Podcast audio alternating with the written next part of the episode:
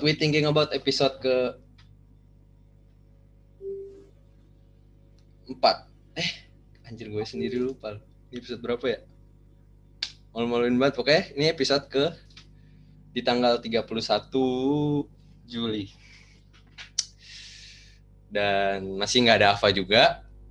Um, dia lagi ada urusan buat renov rumah dan ya takutnya lagi recording rame atau apa soalnya. Ya. Dan gue juga sebenarnya lagi renov rumah guys. Um, tapi yang direnov cuma satu kamar doang kalau dia beberapa apa gimana gue juga nggak ngerti. Tapi gue nggak sendirian. Gue sama bilangnya temen dekat atau temen apa nih ya, sama Audril panggilannya Odil. Eh. Jadi kita kita sebelum ini apa sempat ngobrol beberapa hal ya tapi hmm. tidak semuanya kita akan umbar di sini dong. Ntar habis materinya. Bukan habis materinya berbahaya dong. Habis materi sih kayak enggak juga. Aduh. Agak meng, kan kali yang suka dengerin podcast ini pasti udah tahu temanya ya. Uh, kita suka mereview belakangan apa yang terjadi. Uh, ppkm diperpanjang lagi ya Dil kalau nggak salah. Gue baru denger tadi sore apa? Sampai tanggal 2 Agustus ppkm level 4 Hah? kata om gue tanggal 17 baru? Enggak enggak ya? Tanggal 17 kata om gue gue gak tahu nih. Gue baru denger berita dari bapak Jokowi ini tuh huh? tadi tang uh, dia bilangnya tanggal 2 Agustus oke okay. tapi yang gue dengar tanggal 17 tapi gue, ya, gue tapi lu ya. orang yang tipikal ngebet-bet pengen keluar gak sih karena gue enggak. Oh iya, oh lu berarti anak rumahan banget ya. Kalau gue tuh paling nggak betah sih, maksudnya di rumah apalagi gue nggak ada kegiatan gitu atau emang lagi online learning gini kan apa ya kayak susah banget nyari suasana yang bisa membangunkan motivasi gitu. Motivasi, baik lo orangnya nyari motivasi malah keluar ya? Uh -uh. Buat nyari yeah. semangat lagi belajar ngapain tuh harus keluar dulu ya tapi ya ya kita lihat aja uh, bakalan kayak gimana sih soalnya gue juga nggak tahu kondisinya sebenarnya masih bahaya atau enggak tapi ya patuhin aja lah protokol kesehatan kayak nggak ada uh, ruginya buat uh, kita juga ya malah ngebantu hmm. orang lain juga nah selain itu deal Kenapa nih? Lu udah ketawa-tawa aja. Lu denger berita yang gue pertama kali lihat tuh di uh, Instagram yang logonya bibir itu ya. Gue ngeliat. Enggak, gue dapet beritanya tuh pertama kali dari cowok gue sendiri. Dia iya. bilang kayak, eh lihat deh nih. Terus langsung gue lihat. Iya enggak deh, gue gue denger gue denger berita enggak gue denger berita itu dari cewek gue sendiri malah iya bener. terus gue ngeliat di akun bibir itu terus kayak wow masalah apa ini kayak gue gak habis pikir aja ini siapa lagi yang habis berulah? Terus gue lihat orangnya ya ampun baru aja kemarin kena eh kena lagi. Ini kayak tren gitu ya setelah satu setengah tahun kita apa sih ngalamin kehidupan yang beda banget kayak gini kayak tren gini tuh jadi makin banyak dan malah gue pertama kali denger itu atau mungkin lo nggak nggak tahu ya. Hmm? kalau nggak salah waktu itu kan uh, Euro diundur kan ada hmm. ada dua pemain Inggris inget gue gue nggak mau nyebutin siapa ya itu mereka ngegelar sex party di ap, di di pas mereka kayak kan setiap kalau nggak tahu ya kalau di bola itu kan hmm. setelah lo main kan sampai summer tuh abis summer itu kalau ada uh, kompetisi kayak Euro Piala Dunia tuh lo ngumpul sama uh, tim nasional lo kan.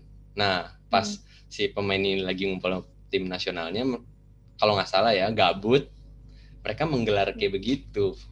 Terus setelah itu kayak jadi banyak gitu, mau, mau di luar kayak mau yang di Indonesia kayak jadi kayak banyak gitu. tapi gak tau menurut tanggapan lu gimana Dil? kayak Oh, kenapa menurut gitu Ya mungkin bingung gak sih lo selama online pandemi kayak gini apa-apa online terus kayak nggak ada kegiatan yang bisa lo lakuin banyak gitu. Eh, Lakuin apalagi kan maksudnya namanya juga cowok gitu. hmm. Pasti tetap nyari-nyari kegiatan yang bisa nge eh, apa ya bikin mereka terpuaskan atau seneng atau enjoy kan. apalagi udah kayak jatuhnya udah duitnya udah nggak apa udah nggak mikir duit lah apalagi yang tadi gue bilang pemain bola di Inggris gitu kan apalagi yang di Indonesia nama, juga iya. Kayak banyak gitu ya. Dan nggak bukan kan harusnya kan kayak jadi nggak gimana ya jadi kan kita kita yang orang-orang yang biasanya kan mikir dong kayak anjir ini apa nggak ketampung gitu apa ya pas harusnya ppkm yang harusnya pas psbb gitu malah jadi kayak ya ibaratnya ngumpul gitu kan ya ibaratnya gitu kan. Ya, ya tapi kayak namanya juga manusia lah. Ya, agak susah juga sih buat di apa ya buat dibatasin geraknya juga susah. Iya. Gue juga ya gue gue nggak gue juga yakin kayak nggak sem- semua dari kita pasti nggak mungkin 100% patuh juga lah ya. Ah, ya kayak ada lah tapi kayak nggak tahu ya. Jadi mewarnai timeline orang-orang dengan berita-berita yang kayak gitu jadi kayak orang-orang punya persepsi yang beda-beda juga kan tentunya ya oh. Ya. tapi ya kita lihat aja lah semoga semoga gue berdoa sih semoga nggak ada kayak gitu-gitu lagi ya soalnya kayak Semoga. jadi mereveal eh, kan net- netizen kita lo tahu ya ketikannya kan luar biasa ya kacau gue nggak mau Banyak- gue nggak mau itu ngerug gue nggak mau itu ngerugiin dari pub- sisi public figure gue juga nggak mau ngerugiin dari orang biasanya gitu loh. Jadi kayak ngebuang waktu buat apa sih ngasih insult yang sebenarnya mereka bisa ngelakuin hal yang lebih penting dari itu gitu loh. Mungkin lagi apesnya juga sih kayak gitu. Iya. Ya tapi Apalagi ya mm, menurut gue sih ya video-video gitu kalau udah kesebar di internet gitu nggak bakal nggak bakal kehapus sih. Karena kalau udah masuk ke dunia digitalisasi gitu nggak bakal hilang juga. Kalau lu cari juga pasti bakal ada. Wah giat. Netizen Indo nyari gitu-gitu giat.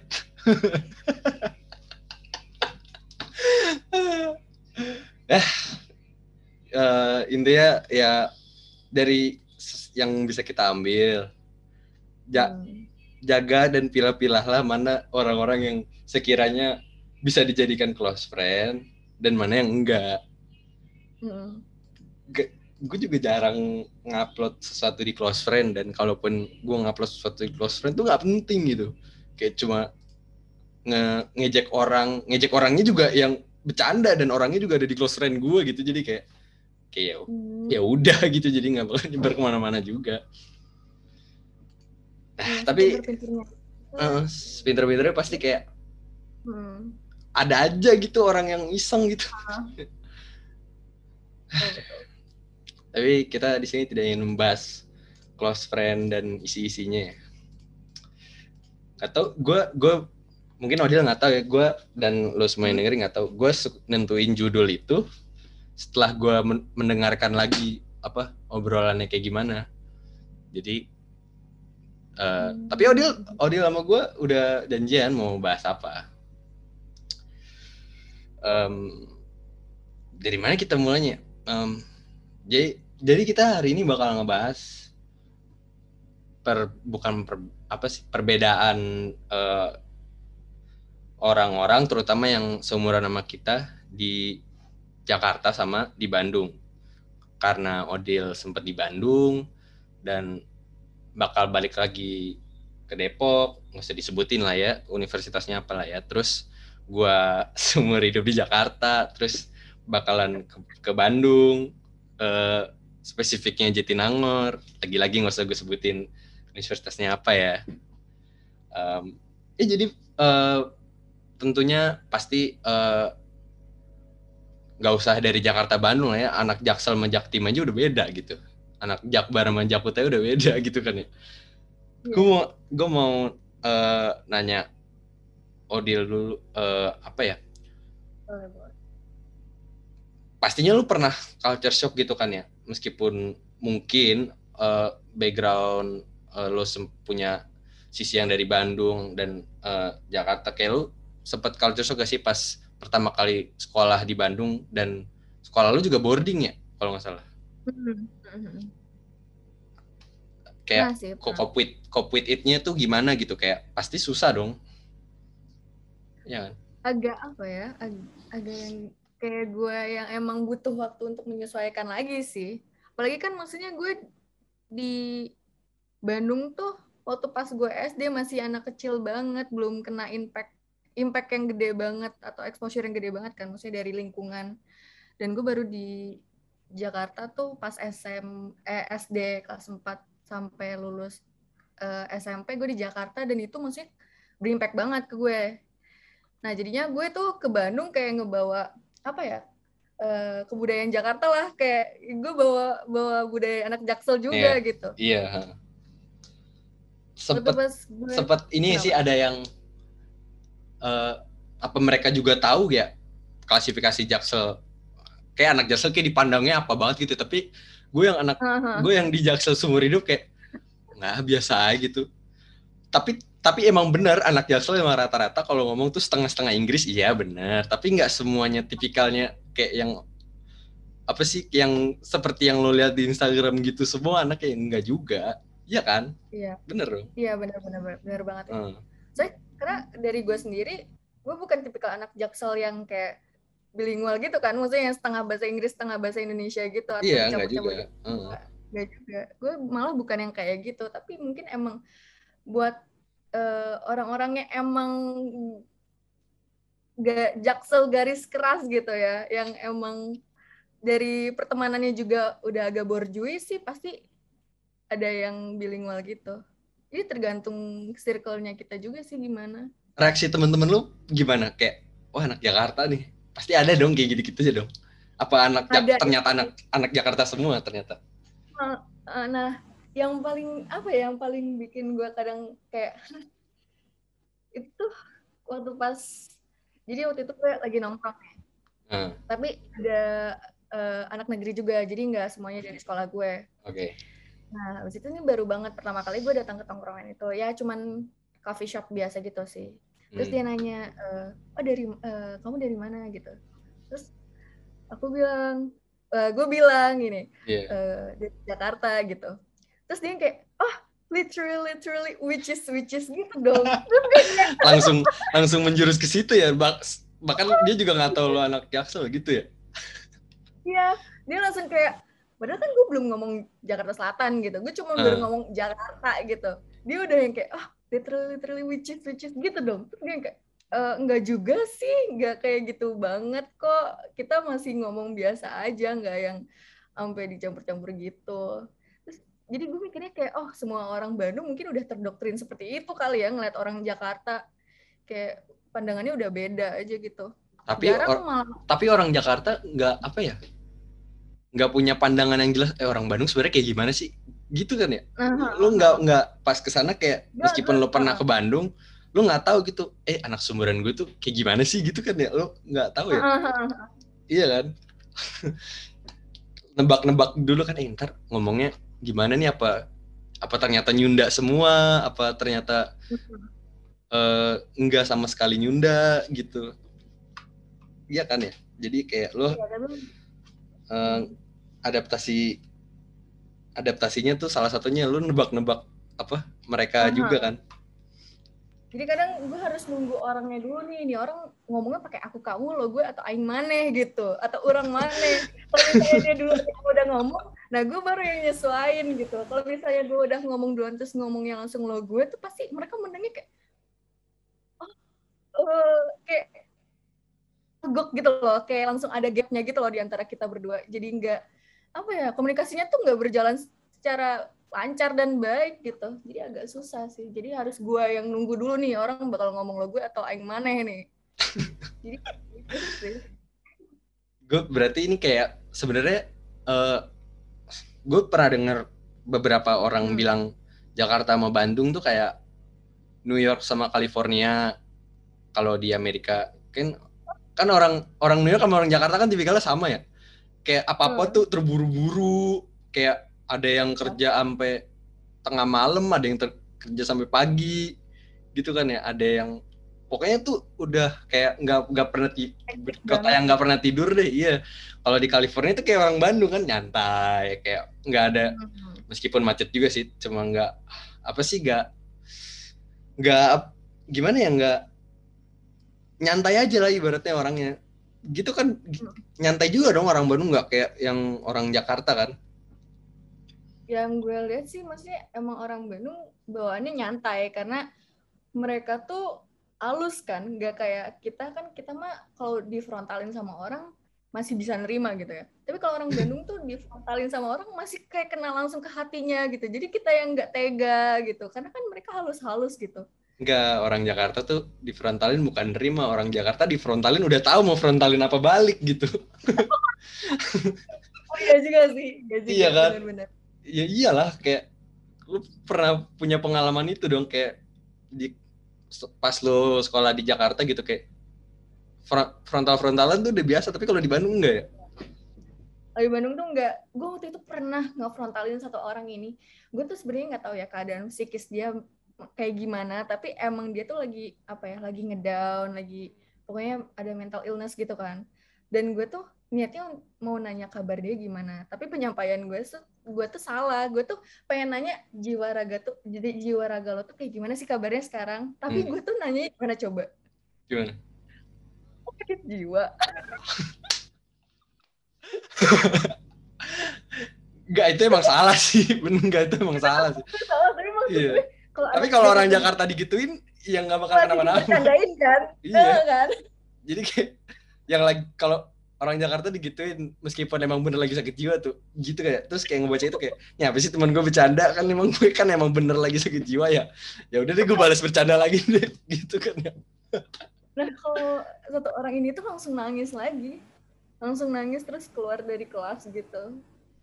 Berarti itu punya banyak experience yang apa sih experience gak nyambung gak nyambung gitu ya? Jadi kayak iya sumpah harusnya gue mau ngomongnya ini nih tapi orangnya apa ngerasa itu gue ngomongnya itu. Jadi orangnya sakit hati ah. Jadi nggak hmm. jadi nggak jelas penyampaian gue gitu. Iya gitu kan ya? Emang. Apalagi kalau misalnya uh, Bandung tuh kalau swasta sama negeri juga kan beda lagi gitu kan culture-nya. Hmm kalau misalnya swasta masih nyampur lah masih bisa ngomong lo gue aku kamu orang mana gitu gitu kalau di hmm. negeri kan mostly ngomongnya udah Sunda banget gitu kan karena emang okay. dari bukannya juga emang ngomongnya Sunda terus yeah. jadi kalau misalnya ada di tongkrongan ada orang eh ada anak negeri gitu ya yang lagi gabung gitu terus mereka ngomongnya pakai bahasa Sunda gitu kan kan gue kayak eh gue juga pengen ikut gitu bercanda tapi gue nggak bisa gak ngerti gitu. Gak ngerti gue harus ngomong gimana? Terus akhirnya solusi gue tuh gue mempelajari bahasa Sunda lagi gitu loh. Gue kayak coba cari cari sempet lo belajar bahasa Sunda lagi biar bisa ya, gue biar bisa fit in sama mereka gitu ya? Biar gue tuh bisa apa ya nyambung lah sama bercandaan mereka gitu. Terus akhirnya gue coba kan gue coba tuh ngomong aing maneh gitu. Hmm. baru ngomong aing maneh aja mereka udah bilang kayak Drill jangan diterusin maneh maksa banget. Dia bilang gitu. Kayak hargain banget anjir. Gue tuh belajar gue udah nyari tahu bahasanya yang gimana yang harus gue pakai malah dibilang jangan ya bukan bukan gak ngehargain sih kayaknya dia ya. Iya kayak sih. gue dari gue cerita dari gue nih ya. Gue hmm. dua-duanya bokap sama nyokap gue asli orang Jakarta kan. Hmm. gue juga suka kayak apa gatel kuping gue kalau orang tuh ngomong-ngomong kayak iye kagak. Tapi pada di rumah tuh mereka ngomongnya nggak kayak gitu gitu. Jadi kayak di sama teman-teman cowok-cowoknya aja. Sedangkan gue yang orang kayak tipikal orang Jakarta banget nih gue apa kanan kiri tetangga lo tuh saudara lo sendiri. Jadi kayak ngomong teriak-teriak aja gitu. Gue gue gue tuh sering dibilangin gini sama mak gue tapi saya sekarang sih udah nggak terlalu ya. Kalau ngomong hmm. tuh jangan kencang-kencang kayak kalau hmm. lo di rumah sama gue kalau di rumah ya ya orang tahu gitu. Karena ya emang rumah lu sebelah sebelahan jadi kalau teriak gak ya dimaklumi lah kalau di luar tuh enggak mungkin temen lo yang orang Bandung itu juga ngerti ini apa sih ini orang maksa banget gitu. Sebenarnya itu nggak kayak gitu cara ngomongnya. Ya, tapi kan kayak gue berusaha nih pengen ikut gitu. Akhirnya pas gue ngomong aing mana? Mereka kayak jangan diterusin terus jangan diterusin Eh, mana maksa banget ya Allah. Terus akhirnya kayak oke akhirnya ngomongnya aku kamu biar netral nggak terlalu Jakarta nggak terlalu maksa Iya. juga gitu. Tapi kalau di Jakarta aku kamu tuh lebih kayak orang iya. pacaran gak sih? Nggak tahu ya. Iya, kalau di Bandung mungkin normal kayak kalau di Jakarta enggak nggak tahu sih ya. Eh, apalagi ya? Kalau orang eh, Jakarta sama orang Bandung tuh lebih terbuka yang mana sih dari antara kedua itu? Apa Jakarta apa ternyata orang Bandung beberapa ada juga yang enak diajak buat ngomong? Atau gimana? Dari pengalaman lo. Ya menurut gue it depends ya. It depends sama eh, orangnya kayak gimana circle kayak gimana. Karena kan apa ya masalah terbuka atau terbuka kan emang tergantung orangnya. Tapi dari selama gue di Bandung gitu banyak juga orang Bandung yang emang bisa diajak untuk bertukar pikiran dapat gitu-gitu bisa banget gitu. Dan banyak lagi kayak banyak gue juga malah lebih dapat banyak pandangan tentang dunia luar gitu. Terus kayak gue harus gue kuliah tuh harus kayak gimana umur 20 tuh lebih baik kayak gimana gue malah dapet dari orang Bandung gitu. Tapi mungkin karena ya gue SMA di Bandung jadi gue masih apa ya teman-temannya masih yang ada di Bandung belum banyak yang di Jakarta jadi ya Bandung juga bisa diajak buat ngobrol kayak gitu sih. ngobrol berat gitu masih bisa. Kalau Jakarta sih yang dari SMP ya. Karena masih bocil kali ya. Maksudnya iya. ngebahas Eh. yang berat itu kayak agak jarang sih dan susah kayaknya. Karena belum kepikiran kan. Tapi mm, dari yang sekarang-sekarang ya yang gue dapetin temen Jakarta gitu ya atau temen Depok hmm, sama aja sih maksudnya equal aja gitu. Ada ya ada yang bisa diajak ngobrol ada yang kayak sekalinya sekalinya baru ng- nguapin topik nih ya kayak baru ngebawa topiknya dia udah kayak aduh malas gitu. Udah kelihatan mager ngebahasnya itu juga ada. Iya. Emang banyak. Berarti Kalau- iya berarti jatuhnya tergantung orangnya Mm-mm, tergantung orang. Kalau tinggal enakan di Bandung atau Jakarta? Ya Jakarta lah ya. Eh jujur gue lebih suka Bandung ya. Bukannya lebih bu- bukannya sama-sama macet juga ya? Oh kalau masalah macet oke lah sama aja gitu. Tapi kalau em, gue rasa nih ya kalau ke Bandung tuh ya kalau nggak macet aja ke mana-mana tuh deket. Tapi kalau Jakarta tuh harus muter kan. Kalau dalam kota ke mana banyak flyover. Heeh. terus muter ke mana gitu kan. Apalagi ditambah macet gitu. Nah gue tuh lebih prefer Bandung jadinya daripada Jakarta ya. Itu ya gue Bandung- orangnya nggak suka daerah yang dingin. Bandung dingin. Ah ya ya ya gue Bandung suka dingin banget ya? ada yang gitu. Dingin lembab gitu gue suka banget.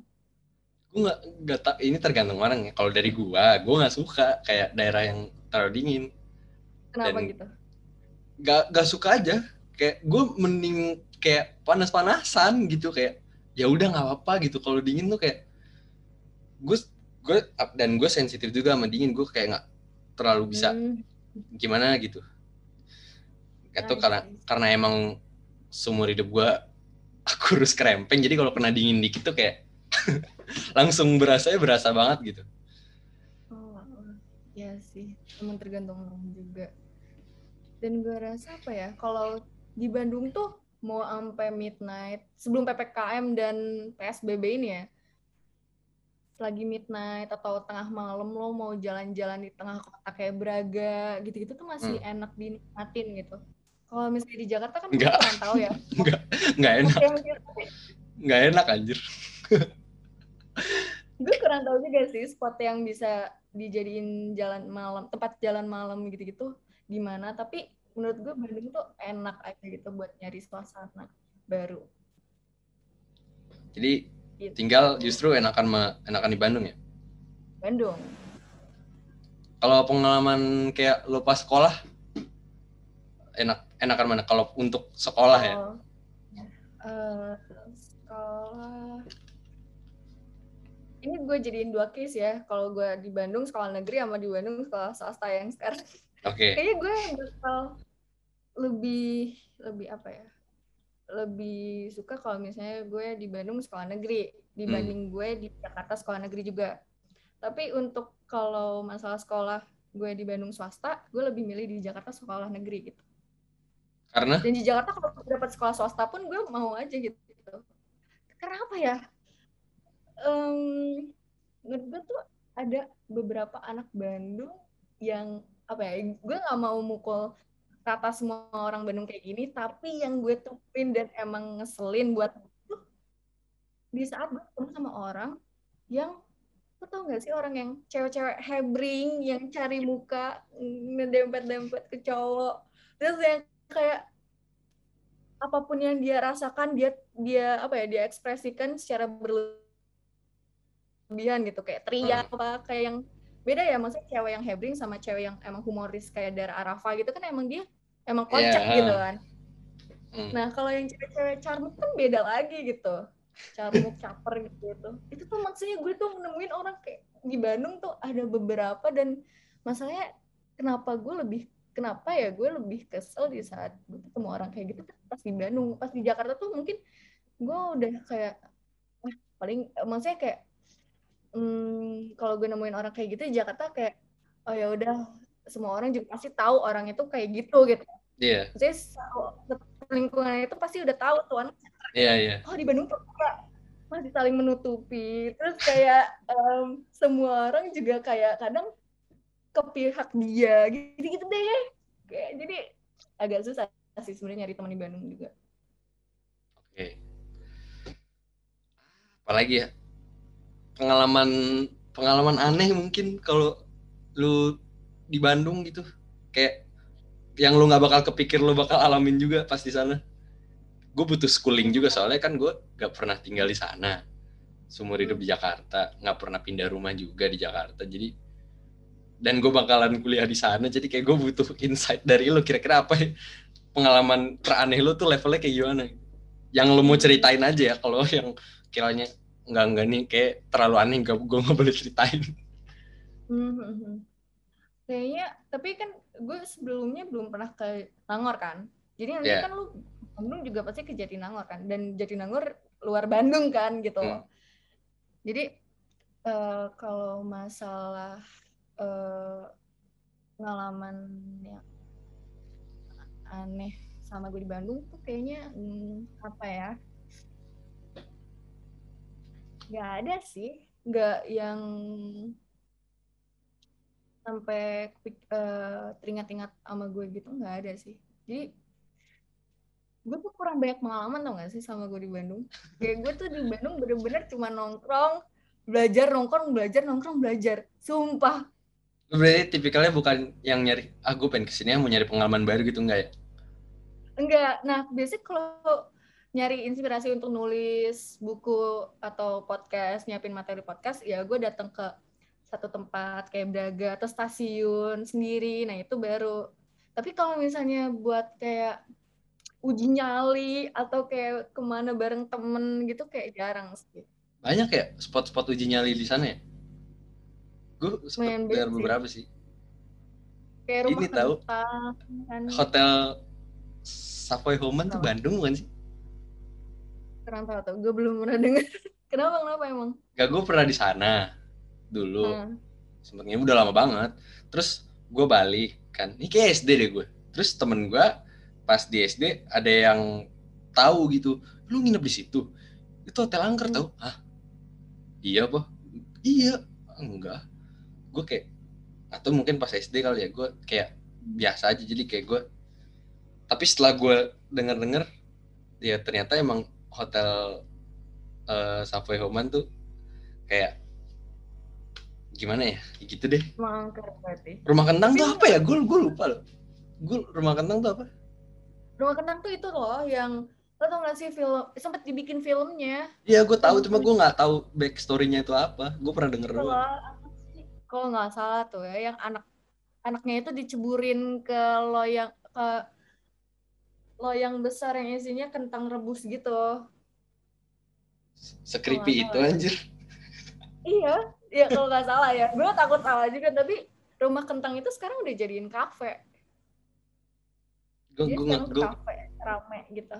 gue gak ngebayangin sih anjir. Gue bukan penakut juga ya, tapi kayak kayak hal-hal kayak gitu ada di Indonesia. Apalagi itu udah lama banget dong pasti kan. Rumahnya udah Mhm. sempat angkat terus jadi kafe gitu. Mm. Tapi di di SMA 3 sama 5 juga ada sih. Lo tau gak sih kayak yang ada satu jendela sekolah Iya gue tahu tiga kalau itu gue tahu. Gue denger itu di lo tahu ini gak sih? Eh eh boring bokir, Ah, gue nggak tahu sih itu. Uus, Uus, Oh, gue eh, tahu tahu tahu. Gilang Baskara sama Boris kan eh si Boris Hmm. sama si Gilang kan di Unpar. Kalau si Uus di, Un- di Unpad.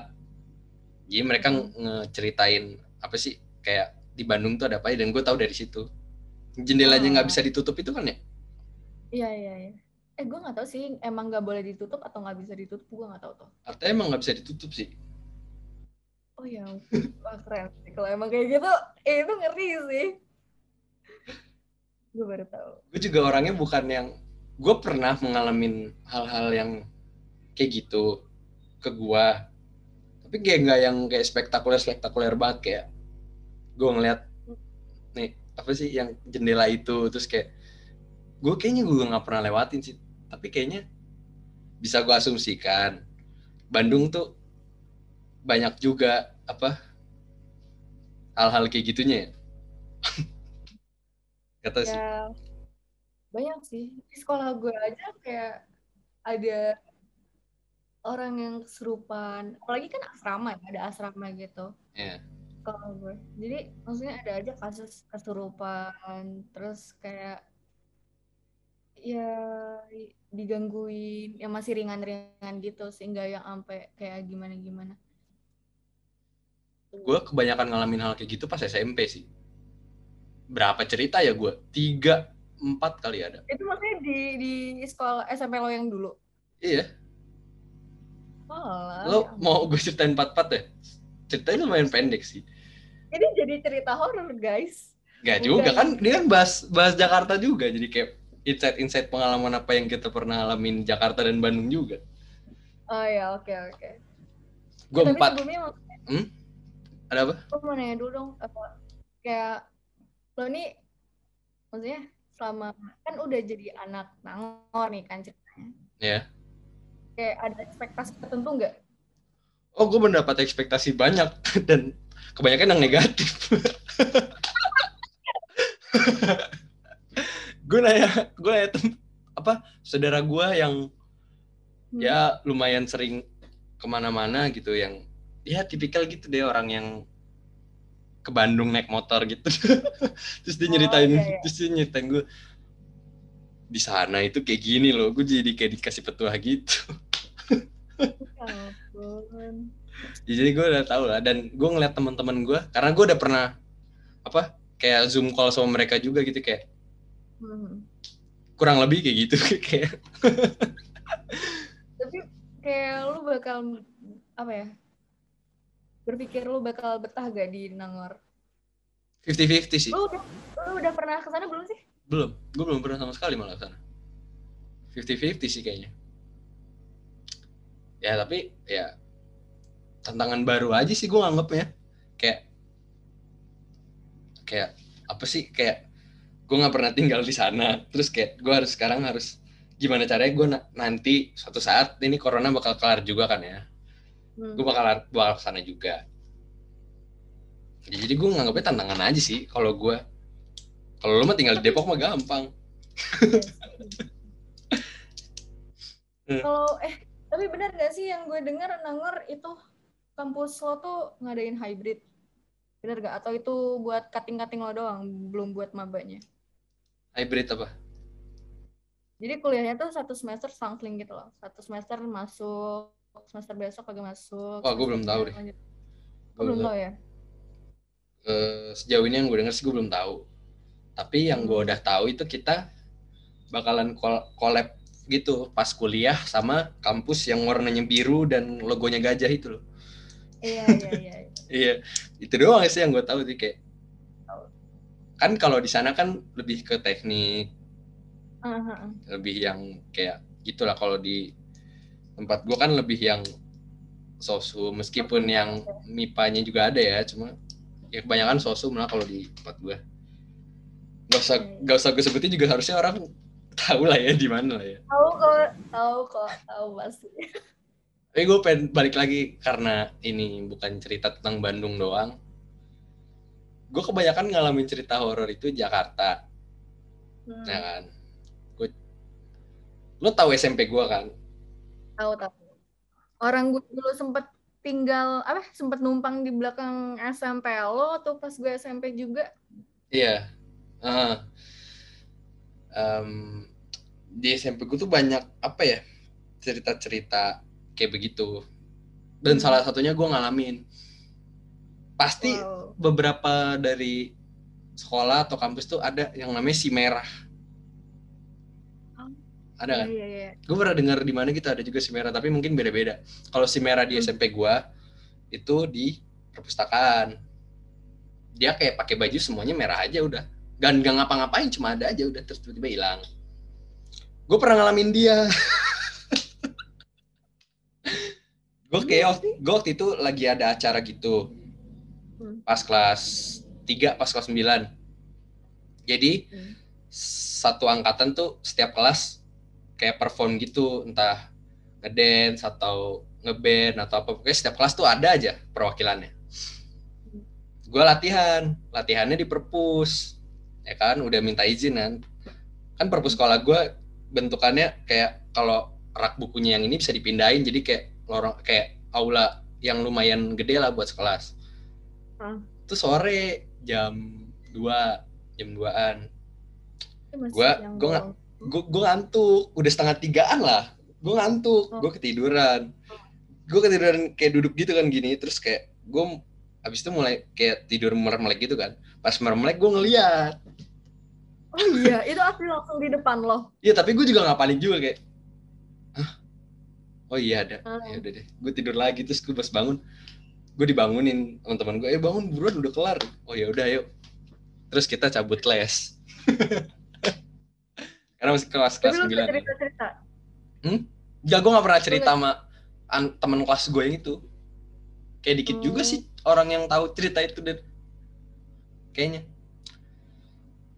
kalau yang ada yang gue pernah dengar jadi kalau yang gue pernah dengar di lantai tiga di lantai tiga SMP gue itu ada meja hmm. guru gitu meja guru kayak belak belakang itu kayak teater kan hmm. guru yang piket pada hari itu lagi tidur. Tidur gini. Tidur kayak tidur di meja gitu loh. Terus yeah, pas yeah. bangun dilewein. Eh, terus udah hilang lagi. Terus gak bisa ngomong gitu gurunya. Mesti kayak di ada orang lewat terus kayak nanya dulu bu kenapa bu? Bu kenapa bu? Gitu. Iya, itu posisi lantai tiga nggak ada orang. Dan nggak belum sore juga. Eh pada sore ya kata pokoknya kayak belum deh.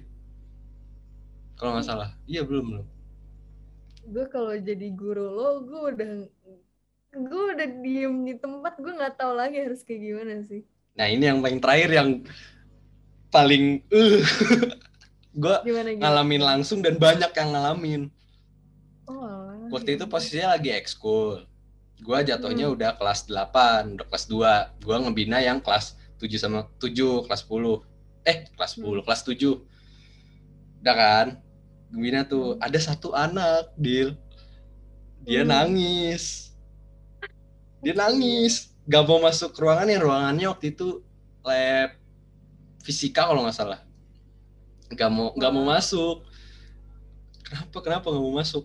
Dia gak, gak mau ngomong kenapa kan? Terus kayak di terus kayak sama temen gue diajak ngomong tapi rada jauh gitu jadi dijauhin dari ruangannya tahu ya apa dia dia ngomong apa coba apa? Gak mau dia tuh ternyata bisa ngeliat di atas langit-langit tuh ada kepala Gila, ih gila gue merinding sih. Sumpah Terus, gue merinding. Yang di dalam tuh lagi gue doang, yang temen-temen gue yang lain yang kelas 8 tuh lagi pada ngebina lagi. Udah kan? Terus pas masuk, Ah. gue dikasih tahu, ya Allah, udah yuk, udah aja yuk. Gila. Langsung kayak heboh gitu, Ji. Yang apa yang kelas eh, tujuhnya pada nanya-nanya, eh kak ada apaan sih kak, ada apaan sih kak? Enggak, enggak ada apa-apa. Terus kayak pas udah cabut tuh langsung kayak pada kan kalau kita kan yang bina kan cabutnya kan kayak terakhir ya. Eh, kita Hmm. kan kalau abis ekskul biasa lah suka ada briefing dulu akhir-akhirnya. Eh, eh, jangan di Hmm. sini, jangan di sini kita pindah cari tempat lain gitu. Aduh, atau lo pernah juga nggak kayak gitu? Baik di Bandung atau di Jakarta juga? Nggak pernah. Kalau di sekolah sih gue nggak pernah. Tapi kalau di rumah gue pernah sekali gitu. Kayak bener-bener pakai mata gue sendiri gitu. Dan gue tuh gini ya, fact kalau dari gue sendiri, kalau gue lagi ceritain horor atau gue lagi denger cerita horor, pasti gue rasanya mau nangis tapi bukan karena sedih atau takut, tapi nangis aja gitu. Hmm. Nggak tahu kenapa itu, gue nggak tahu dari mulai kapan gue kayak gitu, tapi agak aneh aja sih. Jadi waktu itu di rumah gue sendiri, di rumah ini sih, di rumah Tebet. Jadi kan kalau eh, lagi mau ngetok pintu itu, Hmm. pasti nggak langsung dibukain kalau di rumah gue tuh agak lama kan, karena cuma ada nenek gue doang. Nah posisinya di situ emang cuma ada nenek gue doang juga, jadi emang bakal agak lama dibukain pintunya. Gue ketok-ketok kan kayak tok tok tok gitu. Terus emang nggak di nggak ada yang apa sih nggak ada yang balas kan gue tungguin lagi terus eh, gue ketok lagi tok tok tok tok gitu nah gue baru ingat gue tuh punya satu spot yang eh, bisa langsung nyambung ke dalam rumah gue gitu loh jadi di sela-sela kayu pintu gue tuh gue Ya, bisa lihat ruangan dalam gitu dia mirip-mirip kayak gue juga. Heeh. Nah, gue coba ngelowong nih kayak eh emang gak ada orang gitu kayaknya. Tapi eh, gue rasa sih ada nenek gue karena nenek gue nggak ngasih tahu dia mau pergi ke mana gitu. Hmm. Yang pergi tuh cuman eh, nyokap gue doang kerja sama adik gue waktu masih sekolah. Nah, habis itu gue itu masih SMP masih di eh, sana di belakang rumah gue. Nah, habis itu gue ketok lagi kan, tok tok tok tok gitu. Udah agak keras tuh, udah kayak agak keras juga gue ngetok pintunya. Gue diem aja. Ya kan? Gue ngelawang lagi nih, gue ngelawang. Terus kalau misalnya di rumah gue tuh langsung kelihatan ruang, ruang tamu terus sama meja eh sama lemari kristal gitu loh. Tahu gak sih meja Iya. eh, lemari pajangan gitu kan. Heeh. Nah. Kayak lemari pajangan itu kaca-kaca gitu. Jadi gue masih bisa ngelihat ke ruang makan kan, kayak nembus gitu. Iya, heeh, kebayang. Nah, pas gue ngelawang itu, gue langsung ngeliat kayak ada eh, nani-nani Belanda gitu yang kayak pakai payung putih, Aduh. terus kayak pakai dress putih gitu, tapi payungnya tuh nutupin muka dia dan dia lewat aja gitu, lewat aja kayak ngelewatin lemari pajangannya itu kayak tet, gitu. Terus Terus kayak lo nggak mau masuk? gue kayak loh kok ada orang? Terus cantik gitu kayak rapi itu siapa gitu. Tapi kenapa lewat doang nggak ngebukain gue pintu gitu? Kan tapi gue juga bakal kaget sih kalau tiba-tiba pintunya kebuka sendiri gitu. Terus udah kan gue ketok akhirnya dibukain lah sama nenek gue. Terus gue langsung cerita sih. Kayak eh, kejadian yang tadi siang itu. Langsung momen-momen bingung gitu ya? Oh nggak ada kok. Dia- dia kayak emang tanya gitu ke nenek gue kayak yang emang tadi ada yang eh, eh, emang tadi ada tamu gitu cantik gitu pakai dress putih? Terus kata yang enggak kok orang yang tidur ketiduran gitu gue yang kayak oh gitu. Emang kenapa deh? Ya udah terus langsung, langsung cerita gitu. Tapi itu maksudnya creepy gak creepy sih. Soalnya gue apa ya ngeliat masih masih yang bolong kan. Jadi gue percaya nggak percaya gitu loh. Gue tuh ngiranya kayak bayangan apa kayak tapi ternyata kayak emang kalau diingat-ingat lagi tuh emang jas putih dengan payungnya yang nutupin muka dia gitu loh. Payung kecil noni Belanda gitu tau gak sih payung-payung Hmm. yang biasa dipakai Iya. topeng tapi bukan sejelek itu juga sih jadi maksudnya Iya. yang lebih proper gitu gitu Gak gue kalau jadi lo di posisi itu, gue nelfon pasti, nelfon siapa gitu. oh gue enggak gue Iya. tuh kayak tetep gue tetep nunggu sih gue nggak kepikiran nelfon itu sih cerita horor yang pertama kali gue alamin langsung dengan mata kepala gue sendiri selebihnya gue belum pernah lagi untuk menutup obrolan kita yang semakin ngelantur, gue jadi inget satu lagi cerita untuk menutup. Mereka kan bakal dengerin ini malam ya. Eh, Gue sih malam dengerinnya ya, jadi kayak feel bagus. Di sekolah gue yang sama juga di SMP, hmm, ada satu kelas yang emang udah terkutuk aja udah. hmm, Gue bakal gue bakal bilang ke Wadil, tapi mungkin yang denger nggak tahu kalau sekolah gue di mana nggak tahu. Dia, eh, dia juga nggak bakal tahu. Yang ngadep ke Dunkin. iya iya Ya. sebenarnya snap Ya. Jadi ada satu kelas. Itu kelas nggak boleh diisi sama orang-orang pendiam. Nggak boleh diisi sama orang pendiam. Gue awalnya nggak apa ya nggak percaya dong. Ternyata pas gue iya dua tahun dua tahun ngelihat orang yang ngisi kelas itu kayak ya bener. Ini kelas nggak boleh ada orang yang pendiam. Harusnya. Karena di kelas itu dulu ada yang pernah main jelangkung. gila sih oh gila Gue ceritain siapa ya? Di- Kayaknya ceritain senior pas gue pas SMP deh. Itu kelas nggak boleh ada yang kita nggak boleh pakai apa-apa di situ soalnya di situ ada itu. Ada itu sempat begitu. Dan nggak tahu ya lu pernah gini atau enggak kayak ada hantu absen. Jadi misalnya nih pas pagi di absen Hah. 36 misalnya Hmm. pas siang di absen 35 Oh my 34 God. di gurunya tuh Oh, awal yang awal-awalnya bingung kayak eh kamu kayak kemarin ada semua eh tadi ada tadi pagi ada semua kok siang nggak ada sih kayak nggak tahu ya itu sampai sekarang masih kayak begitu atau enggak ya tapi yang gue denger dulu kayak gitu ada double double absen gitu Wow. Tapi kemarin gue baru dapet cerita horor juga sih dari cutting gue di kampus Depok. apa Jadi sama hantu si merah-merah itu juga. Jadi makanya waktu Ya. pas selalu bilang hantu merah. ada oh, kan pasti si merah Semua kampus ada.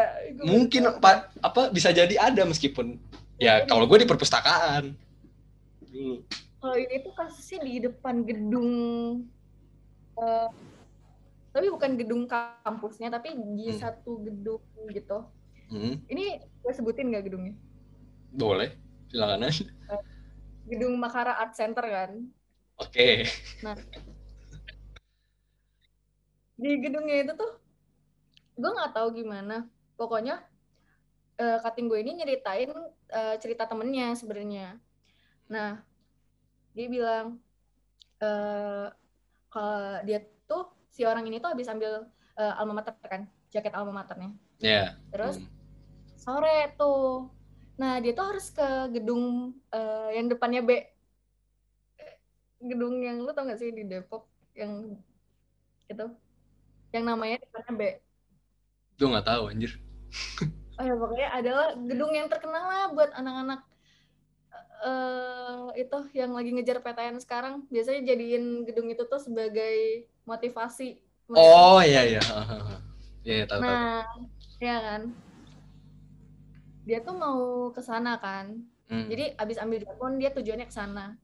Nah dia tuh sambil main HP nih, udah sore sambil main HP dan dia jalannya lambat.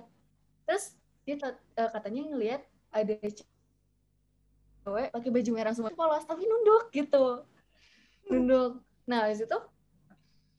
Dia jalan aja kan, dia nggak coba eh, nyapa atau kayak eh, nyamperin gitu.